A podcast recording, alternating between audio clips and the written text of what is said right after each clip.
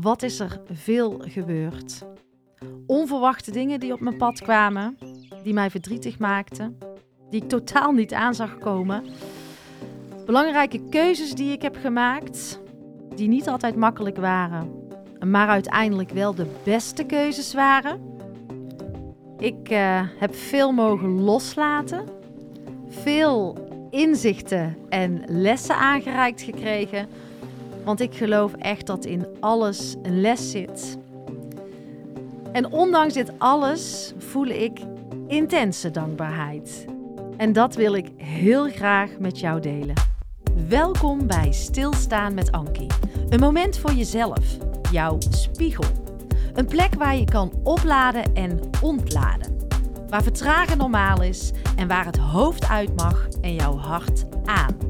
En als ik achter mijn microfoon kruip, gebeurt er iets magisch. Vraag me niet hoe, maar één ding is zeker: ik geef jou vertrouwen zodat jij jezelf en jouw volle potentieel ziet.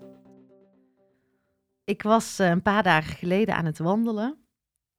En ik weet niet of je deze herkent, maar tijdens het wandelen verdwijn ik in uh, mijn gedachten. Dan kan ik heerlijk mijmeren. Vallen er soms ook hele mooie ideeën binnen. Voor mij zijn dat gewoon hele bijzondere momenten. En um, ja, ik voelde een intense dankbaarheid. En toen dacht ik, wauw, wat is er veel gebeurd. Prachtige dingen, maar ook verdrietige dingen. Maar juist ook die verdrietige dingen, of juist die wat pijnlijker zijn, ja, ook daar kon ik dankbaarheid voor voelen. En dat was, ja, ik vind het lastig om te omschrijven, maar dat voelde ook zelfs als een geluksmoment. En ik denk dat het belangrijk is om dit altijd te doen en vooral niet aan het einde van het jaar. Dan kijk ik naar al die jaaroverzichten die weer komen, allemaal tegelijk. Uh, want iedereen wil iets delen. En dan denk ik, waarom moet dat op dat moment? Voor mij voelt het alsof het dan een soort van kunstje is. We doen het omdat het zo hoort of omdat iedereen het doet. We gaan terugkijken. En probeer dat gewoon wat vaker te doen. Kijk eens waar je staat. Kijk eens wat je allemaal hebt bereikt. Niet pas aan het einde van een jaar. Leef je leven of dat elke dag een nieuw jaar begint. Of waarom zou er per se een nieuw jaar moeten beginnen om die reflectie te doen. En er zit ook geen goed of fout aan, maar ik zou je wel eens willen uitnodigen om dat gewoon vaker te doen, vaker bij stil te staan. En hoe mooi zou het ook zijn als we dat dus niet alleen maar aan het einde van het jaar doen, want dan is het zoveel wat op me afkomt. Want ik vind het fantastisch om ook de lessen van anderen te lezen en om daarvan te leren. Maar als het in één keer komt, uh, in een week tijd al die jaaroverzichten, dan vind ik het te veel. En misschien is ook wel die veelheid die mij soms in de weg zit. Want ik had met mijn vader daar ook uh, gesprekken over, over kerstmis. En um, toen zei ik tegen hem van, hoe komt het toch eigenlijk dat ik... Nou, ik, ik, ik ben gewoon geen kerstvierder. Ik heb daar niet zo'n fijn gevoel mee. En we waren er met z'n tweeën zo over aan het praten. En toen dacht ik, ja, het is niet altijd zo geweest dat ik daar geen lekker gevoel bij heb met kerst. Die kneuterigheid van vroeger, die, die, en ik denk, oh ja, nu gaat er een oud wijf praten. Maar nee, die kneuterigheid van vroeger, uh, die krantjes in de boom hangen en dan s ochtends naar beneden komen en zo'n krantje uit de boom mogen halen. Hoe, hoe, hoe bijzonder was dat? Dat moment, of dat ik de bavrois met mama aan het maken was. Dus al pratende met mijn vader kwam ik erachter dat ik kerst echt wel leuk heb gevonden. En ik kon dat gevoel ook zo oproepen van wat ik zo fijn vond. En dat gevoel was het kleine, het kneuterige, het, het, het samen, echt samen zijn. En misschien mis ik dat ook wel, hè, want mijn ouders zijn gescheiden. Dus dat zal echt nog wel een stuk uh, in mij zitten wat dat mist. Daar wil ik ook wel eerlijk over zijn. Maar het is ook de veelheid die mij in de weg zit op dit moment. Het moeten, het groter maken, het commerciële. Ik heb soms het idee dat we kerstmis vieren omdat het hoort. Omdat het nou eenmaal zo hoort en dan doen we het maar. Maar mogen we onszelf ook de vraag stellen: waarom doen we dit? En hoe fijn zou het misschien wel zijn als de laatste twee weken van het jaar een soort stilteweken zijn? Dat je even helemaal niks hoeft. In Bali weet ik ook dat ze een stiltedag hebben. Dan gaat iedereen, volgens mij gaat zelfs de elektriciteit uit. Dat ga ik nog eens een keer onderzoeken. Maar iedereen gaat dan echt naar binnen. Het lijkt wel of we een soort eindsprint aan het uh, doen zijn. En kerst is daar een onderdeel van. Onze haren moeten goed zitten. Um, we moeten er goed uitzien. En dan denk ik, waarom? Voor wie, voor wat en, en waarom doen we dit? En dan uh, kom ik ook meteen bij uh, dat dankbaarheidsgevoel, want daar begon ik deze aflevering mee. Het is voor mij ook helemaal oké wat anderen of wat iemand hierover denkt, omdat er geen goed of fout is. En die strijd of die veroordeling, die ben ik kwijt. Die voel ik niet meer in mezelf. En het is zo fijn om een ander volledig te kunnen laten in wat hij of zij denkt. En daar helemaal oké mee te zijn. En toch ook mee te kunnen verbinden, dat is heerlijk. Want soms lijkt het wel dat het of het een of het ander moet zijn. Dat je ergens voor of tegen moet zijn. En dat heb ik niet meer. Maar ik kwam daar wel vandaan. Ik wilde het liefst de hele wereld wakker schudden, misschien mijn mening echt wel iets te veel verkondigen. En nu is dat stuk in mij veel zachter geworden, veel milder geworden en is het helemaal oké. En ik wil niet in een hokje van goed of slecht zitten. Voor mij bestaat dat niet meer. En dat vind ik echt een hele bevrijdende gedachte. Uh, daardoor is er veel minder veroordeling. En tuurlijk heb je ooit nog wel eens dat je oordeelt. Ik denk dat iedereen wel eens oordeelt. Maar alleen al daar bewust van zijn, dat verzacht. En dan kan je het aanpassen en veranderen, transformeren. Dat was een uh, mooie les en uh, transformatie van mij in ieder geval. Um, ja, ik weet ook nog dat ik uh, ergens in februari een soort in zak en as hier in de studio zat. Die was net klaar. Daar hadden wij uh, in de kerstvakantie hard aan gewerkt. Prachtige plek trouwens. Ik voel me hier echt als een vis in het water. En uh, ik zat een beetje te simmen. En mijn man komt de studio binnen en ik zeg: Oh, het komt echt nooit meer goed. Ik wist zo niet welke kant ik op moest. En ik maakte al drie jaar podcast. Uh, met heel veel liefde en nog steeds. Maar continu kwam dat stemmetje in mij: wie ziet mij? Ik dacht, ik zet iedereen altijd in het licht. Ik uh, produceer de mooiste verhalen. Het voelt nog steeds als dat ik dit moet doen, maar wie ziet mij? Maar zag ik mezelf wel? En ik verdiende ook geen rode rotcent met die podcast, met mijn eigen podcastkanaal. Het begon te wringen, maar vooral vanuit de plek wie ziet mij? En ook vanuit de gedachte, de overtuiging dat daar geld tegenover zou moeten staan.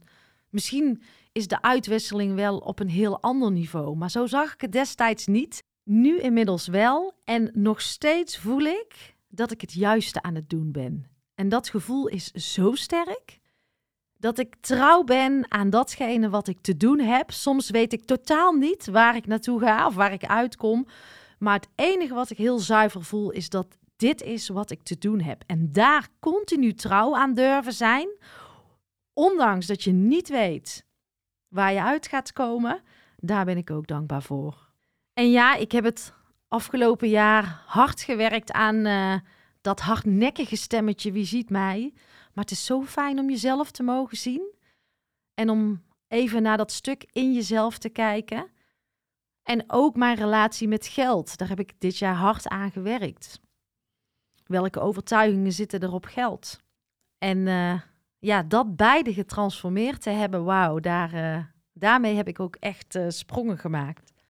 Nou, even terug naar dat studiomoment dat ik zat te simmen.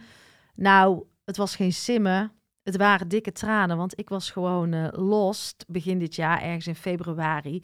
Het stroomde niet. En uh, nou, ik vertelde je zojuist al over uh, de thema's Wie ziet mij en de uitwisseling. Dat ik dacht dat die podcast dus direct geld op zou moeten leveren.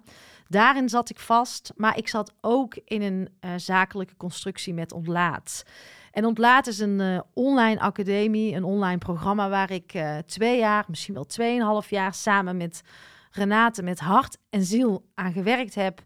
En toch voelde ik hem niet meer. Het stroomde niet. En als er iets niet stroomt in jezelf, hoe graag je het ook wil, hoe vaak je ook tegen jezelf kan zeggen: Ik moet doorgaan, het moet goed komen, ik moet toch loyaal zijn. Het klopte niet. En ik voelde dat ook heel sterk. Maar om dan ook die keuze te maken om eruit te gaan stappen, ja, dat, dat is gewoon niet makkelijk. En zeker niet als je met iemand anders een zakelijke constructie bent uh, aangegaan. En dat is ook geen eenvoudig proces om die keuze te maken, om dan zo goed mogelijk uit elkaar te gaan. Maar toch ben ik er dankbaar voor. Want het was de enige juiste stap. En dan ben ik ook echt dankbaar dat ik mijn gevoel ook hier weer in durf te volgen. Ongeacht ik heel veel loslaat. Dus natuurlijk zat er leergeld in. Maar het is de beste keus die ik kon maken. Want daarna veranderde alles. De opdrachten kwamen naar mij toe en ik heb behoorlijk zitten journalen. Voor, voor wie mij wat intensiever volgt, die weet dat ik dat bijna elke dag doe. Maar de opdrachten die ik letterlijk in mijn journal heb geschreven, die kwamen uit. Het geld ging weer stromen. En die uitwisseling, die kwam op zo'n ander niveau als dat ik dacht. En daarvoor waren voor mij uh, twee momenten, nee, drie momenten heel erg belangrijk. De eerste was de vraag die ik kreeg van Nicolien: Ank, saboteer jij jezelf? Die voelde ik tot in mijn tenen. Ik was mezelf aan het saboteren om maar niet de verantwoordelijkheid te hoeven nemen om de stap te zetten. Ik stop met ontlaat. En ik zat ook vast in dat gedachtepatroon dat ik met de podcast geld zou moeten gaan verdienen. En daar saboteerde ik mezelf ook. Want daarmee ontnam ik mezelf ruimte. Soms noem ik het ook wel zo: het is een soort stop die iets tegenhoudt. Die een stroom van energie tegenhoudt omdat jij hem zelf tegenhoudt. En toen die stopper eenmaal uit was, toen kwam alles naar mij toe. En dat is, ja, die ervaring, die, daar ben ik zo dankbaar voor. En ja, het vraagt ook om een stukje lef. En het is niet altijd fijn. Maar soms moet je echt deuren sluiten, zodat er weer ruimte is voor andere initiatieven. Dus die enige vraag Ank, saboteer jij jezelf? Die was voldoende om dingen in beweging te gaan zetten. En echt mijn verantwoordelijkheid te gaan nemen voor datgene wat ik van binnen voelde. En dat liegt nooit tegen je. Wat ik van binnen voel, wat ik te doen heb. En het eindpunt weet ik echt nog niet. Maar het gevoel volgen en daar vertrouwen in hebben, dat is uh, mijn navigatie. En ja, dat tweede moment komt ook bij Nicoline vandaan. Dat was tijdens een reading. En in die reading zei zij: Ik zie een beeld in een beeld in een beeld in een beeld. En het lijkt wel of jij een soort uh, zaadje in je handen hebt waarvan de voedingsbodem niet goed is. Je hebt andere pokel nodig. En die was voor mij ook doorslaggevend in de keuze. Want ik hield telkens het een beetje in stand om maar niet voor mijn grootste idealen te hoeven gaan. Samen met iemand gaan werken, omdat ik het niet alleen durfde. Uh, toch voorzichtig zijn. En zij zei ook: de podcast is een soort school of life voor jou. En de uitwisseling gaat op een heel ander niveau komen. En zonder jou, Ankie, zijn de verhalen er niet. Want mensen willen een beeld in jouw film zijn waar jij het licht op schijnt. En dat verklaarde ook voor mij zo dat stukje wie ziet mij. En dat die podcast dus een heel ander doel had als dat ik dacht. En met dat inzicht is het ook echt gaan stromen. Alles werd anders. Ik ging er veel anders in zitten. Ik kon veel meer verzachten. Nog veel meer in die overgavestand en in het vertrouwen komen van mezelf. En ik zag daardoor ook echt mezelf. Dus dat is ook very nice. En toen ik die dag zat te simmen in uh, de studio, liep mijn man binnen. Hij zag mij huilen en uh, ik zei: Ik heb een business coach nodig. Ik kom er niet meer uit. Hij zet het whiteboard neer en hij zegt: Ank, waar krijg jij energie van en waar krijg je geen energie van? We hebben vijf minuten daarop staan uh, schrijven. Hij en de keuze was gemaakt dat ik zou gaan stoppen met ontlaat. Alles viel en daar ben ik echt voor mijn eigen idealen gegaan. Dus daar voor dat moment ben ik ook heel dankbaar. Soms is het veel simpeler dan dat je denkt. Veel meer dichtbij. Krijg je dingen aangereikt van de mensen waarvan je houdt. En ben je veel te groots aan het zoeken. Ook een mooi inzicht waar ik dankbaar voor ben. En ik heb dit jaar dus zo fantastisch gedraaid. En zulke mooie opdrachten mogen doen. Trouw gebleven aan mijzelf, aan mijn eigen pad. En ja, de grootste transformatie zit toch elke keer in jezelf. En ik geloof dan ook echt dat je die magneet wordt. En dat je dus datgene naar je toe kan trekken waar je echt in gelooft.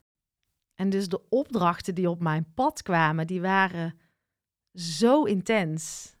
Dat waren samenwerkingen next level. Dat klopte gewoon. En dat is een soort gevoel en verbinding en gelijkwaardigheid. Transformatievraagstukken binnen organisaties kunnen ondersteunen met podcast.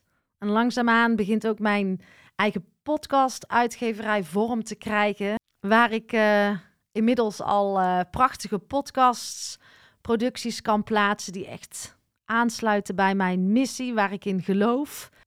Alles is zich echt aan het vormen, zonder dat ik nog volledig weet wat het eindresultaat gaat zijn. Maar het klopt. De puzzelstukjes vallen in elkaar. Dat is een lekker gevoel. En uh, ergens uh, begin van het jaar had ik ook geschreven dat ik een prachtig team om me heen uh, zou willen verzamelen, omdat ik gewoon de podcast niet meer alleen kan. Het is te veel productiewerk, te veel techniek. ik wil eigenlijk gewoon achter mijn microfoon kruipen en doen waar ik goed in ben. En ja, ik wilde het een upgrade geven, dus ik heb mezelf opengezet voor een team. En het gave is dan ook dat bijvoorbeeld Cheert in één keer uh, mijn leven binnenwandelde. Waar die dan vandaan komt, ik heb geen idee. Maar deze samenwerking klopt gewoon. Cheert is uh, audio vormgever, producer en helpt mij echt om de producties die we maken naar een hoger niveau te tillen. Met een eigen sound in plaats van stokmuziek. Uh, hij lift het op qua timing, qua sound. Hij weet precies wat een uh, podcast uh, nodig heeft. Doet inmiddels ook de volledige montage en de audiovormgeving van alle producties die ik maak. En durft mij ook te spiegelen. En dat vind ik zo prettig. Goud eerlijk zijn. Dat is wat ik ook echt wil in een uh, gelijkwaardige samenwerking. Hij begrijpt ook mijn missie hij wil daar ook aan bijdragen. En ja, dit is zijn voor mij de samenwerkingen zoals ik ze voor me zie. Dus uh, ik gun iedereen een cheert mouthaan. En ja, daar ben ik ook dankbaar voor dat, uh, dat cheert op mijn pad is gekomen. Dit is een hele bijzondere man. Voor mij echt onderscheidend, uniek, authentiek en opvallend in de massa.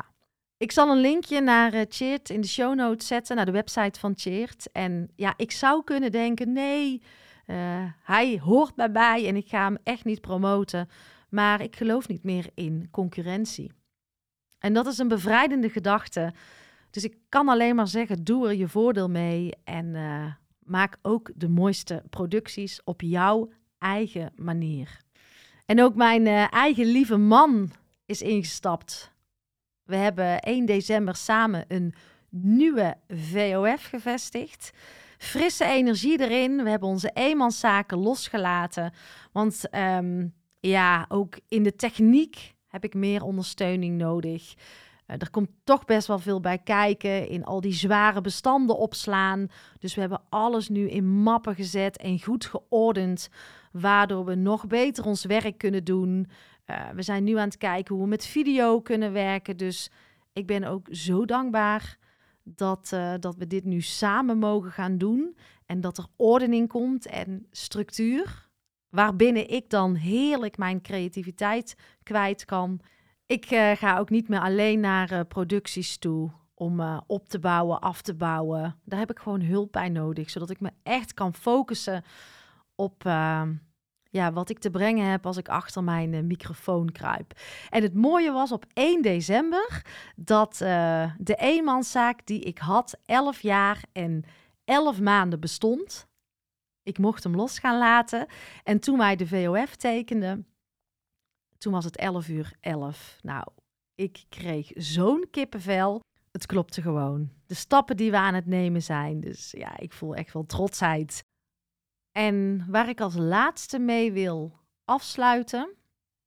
En ik ervaarde tijdens die wandeling echt een intens gevoel van dankbaarheid. Waarvan ik niet had gedacht dat ik hem nu al zo intens zou voelen. Wij kregen 20 september te horen dat uh, onze zoon diabetes type 1 heeft. Dat is chronisch. Zijn alvleesklier is gestopt. En waarom weet je dan niet. Maar is gestopt met uh, insuline aanmaken. Gaat ook niet meer terugkomen. Dus ja, dat was best wel heftig. En toch ben ik er dankbaar voor. Omdat ik voel dat wij dit als gezin sowieso uh, kunnen dragen. Maar ook, er zitten hele mooie lessen in. We zijn bewuster naar voeding aan het kijken. We maken als gezin tijd voor eten. We komen als gezin dichter bij elkaar, voelen nog meer liefde voor elkaar. En onze dochter is daarin net zo belangrijk als onze zoon. En daar moet je als ouder dan ook voor waken. Dat niet alle aandacht gaat naar uh, degene die dan de diabetes heeft. Maar dat zij ook net zo belangrijk is. En net zo gezien mag worden als hem. En dat we het daar ook met elkaar over hebben. En daarin leren. En daarin durven te groeien. Daar ben ik ook super dankbaar voor. Het vraagt ook om loslaten. Gers nodigt mij heel erg uit. Hij spiegelt mij, onze zoon, van mama, laat maar los, vertrouw maar. En dan mag ik ook mijn eigen angsten aankijken. En tuurlijk voel ik ook verdriet, maar ik heb dat zo de ruimte gegeven om te mogen voelen dat dat er mag zijn, dat dat ook weer een soort van plekje krijgt en dat je ook met liefde bij je eigen pijn kan zijn. Dat je daar met een open hart bij kan zijn. En daar kan ik dankbaar voor zijn. We worden als gezin bewuster, rustiger, we verbinden meer. En ik geloof dat wij nog heel veel mogen teruggeven wat wij als gezin leren in dit proces. En daar kan ik ook heel erg dankbaar voor zijn. En je kan jezelf de vraag stellen: waarom wij? Maar misschien is het waarom juist wij. Ik uh, voel me fijn. Ik uh, voel me goed. Ik voel me steady. En um, ja, deel vooral ook jouw momenten van dankbaarheid. Want er zitten zoveel lessen in het leven. En er zijn zoveel momenten om dankbaar voor te zijn. Er zit ook zo vaak wel vooruitgang in jou. Ga ze zien, ga ze benoemen, schijn er licht op. Tot de volgende. Bye bye.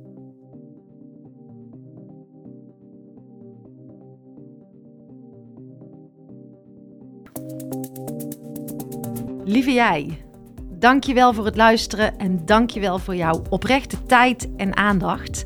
En hoe meer mensen ik kan gaan bereiken, hoe beter, want ik geloof zo sterk in die ripple. En jouw bijdrage, jouw steun is natuurlijk welkom. Altijd fijn. Doneren kan je doen via mijn site. En je vindt ook een link in de show notes. Of ben je al geabonneerd op mijn podcastkanaal? Altijd even doen, want dan ontvang jij als eerste de nieuwste afleveringen. Maar ook jouw review is fijn om te ontvangen. Fijn als je deze podcast wilt delen in jouw eigen netwerk. En ga je nou helemaal aan op alle thema's die voorbij komen op dit uh, kanaal? Kijk dan eens rond op mijn website, want misschien mag ik iets voor jou betekenen of voor jouw organisatie. En wil je met podcast aan de slag, dan uh, weet je mij ook te vinden.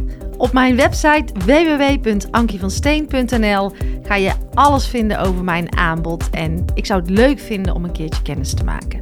Tot de volgende podcast.